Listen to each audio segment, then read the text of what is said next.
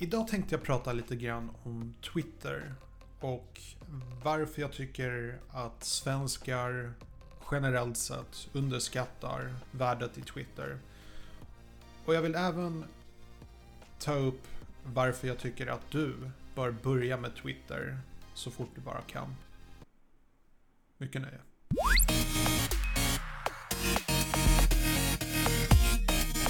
Hej och välkommen till Digital Ruta. Mitt namn är Tommy och idag tänkte jag prata lite grann om Twitter. Jag ville bara påminna först och främst att uh, på den här kanalen så gör jag ett nytt avsnitt dagligen och eh, det publiceras klockan sju varje morgon. Uh, mina avsnitt finns även som podcasts. Du kan hitta min podcast både genom iTunes eller Spotify faktiskt.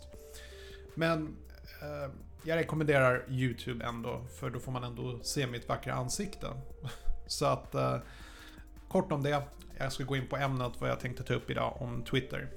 Um, Twitter har funnits i många år och jag tror att um, många har tänkt att det ska försvinna med tiden, att det var en fluga i social media, att det var någonting som dök upp, det var lite charmigt och sen kommer det så småningom försvinna. Eh, så där tänkte man i ett par år och eh, jag har gång på gång provat, mig, provat på Twitter. Men jag har aldrig liksom lyckats eh, lista ut hur man ska använda det på ett praktiskt sätt. Så jag har haft liksom lite till och från perioder med Twitter. Först i år så måste jag säga att jag har äntligen lyckats framgångsrikt att använda Twitter på ett väldigt värdefullt sätt. Och jag tänkte dela med mig hur det går till. Så eh, när jag först började med Twitter så var min första tanke, okej, okay, men då eh, ska jag börja prenumerera på alla kändisar jag tycker är intressanta att följa och eh, sen låter jag det bara flöda. Problemet är att jag valde kanske runt 100 kändisar att följa och det blev bara alldeles för mycket. Och jag insåg att jag är egentligen inte så intresserad av till exempel vad Eminem har att twittra om. Oftast brukar, med kändisar, så brukar det handla om köp mitt nya album. Så att jag slutade med det för att det bara gav ingenting. Men sen började jag istället göra så att jag började följa bara de få människor som jag faktiskt tycker är intressanta att lyssna på. Så att säga lyssna eller läsa. Alltså, det blir som en slags mikroblogg. Eh, och eh, jag kan till exempel eh, läsa mycket som Casey Neistat skriver på Twitter. Eh, jag tycker om att läsa vad Bill Gates skriver. Jag tycker om att det är intressant att se vilka nyheter Apple tipsar om. Så jag har liksom... Jag, jag, har inte kändisar som jag tycker om att titta film på utan det är mer um, folk som jag tycker har intressanta saker att prata om. Det är de människorna jag följer. Och så fort jag stöter på någon som jag inte alls är intresserad av. Till exempel, jag följer inte Trump. Jag har ingen... Jag känner ingen nytta av att lyssna på honom. Och eh, jag kan tänka mig att det finns de som tycker om att lyssna på Trump, eller lyssna, jag kan inte sluta säga lyssna. Läsa hans tweets, för att Trump är en väldigt underhållande politiker om inget annat. Eh, men personligen, jag gillar att få min information genom Twitter och det för mig är så fruktansvärt värdefullt att följa rätt människor på Twitter. Jag får så mycket information om just det jag är intresserad av. Sen kan du även ställa in på att du följer vissa människor men du får inte deras tweets i flödet. Men varför skulle man i så fall följa någon på Twitter om man inte vill följa de nyheterna? Jo, det kanske är för att du vill ändå ha koll på eh, vad dina personer som du följer håller på med. Så du kan snabbt bara gå in på dem och se vad de håller på med.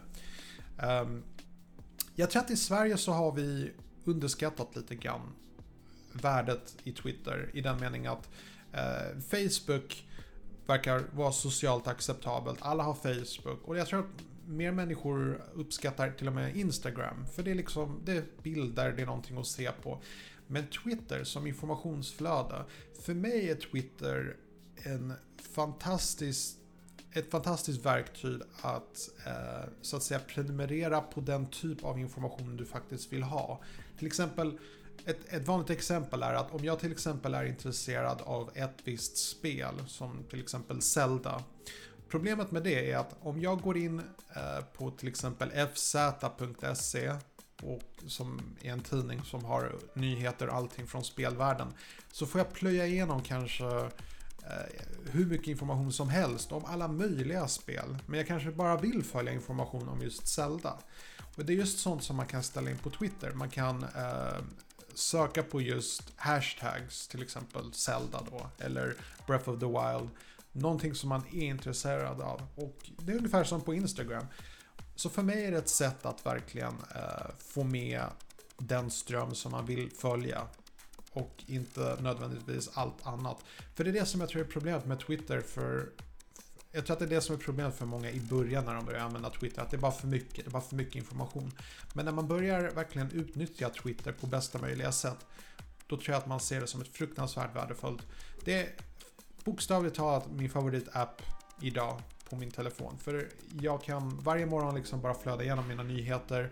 Det är också ett bra sätt om du som företagare eller eh, aspirerande influencer så kan du ha nyheter om din kanal, eh, dina tankar, om du kanske vill göra eh, reklam eller ge information om någonting som du tycker är viktigt. Någonting som kanske är en ny podcast som du har eller någonting du har hört om. Det är också ett väldigt bra sätt att ha kontakt med andra inom din bransch på ett väldigt enkelt sätt som på något sätt fungerar mycket enklare än eh, en e-mail som börjar kännas lite föråldrigt på, något sätt. Twitter är ett sätt att tratta informationen. Och du har direktmeddelanden, så kallade DMs på Twitter och de fungerade hur bra som helst. Eh, så jag, jag rekommenderar verkligen Twitter fruktansvärt mycket. Det är en fantastisk tjänst när man väl lärt sig hur man ska använda det. Eh, jag finns obviously på Twitter så du kan följa mig där om du vill. Um, och det var i princip det jag hade. Om du har några frågor eller funderingar så kan du ställa dem i kommentatorfältet nedan på YouTube-kanalen. Eller så kan du kontakta mig på Twitter så återkommer jag där också. Det var i princip allt jag hade för idag. Eh, passa på att önska dig en trevligt fortsatt dag. På återseende.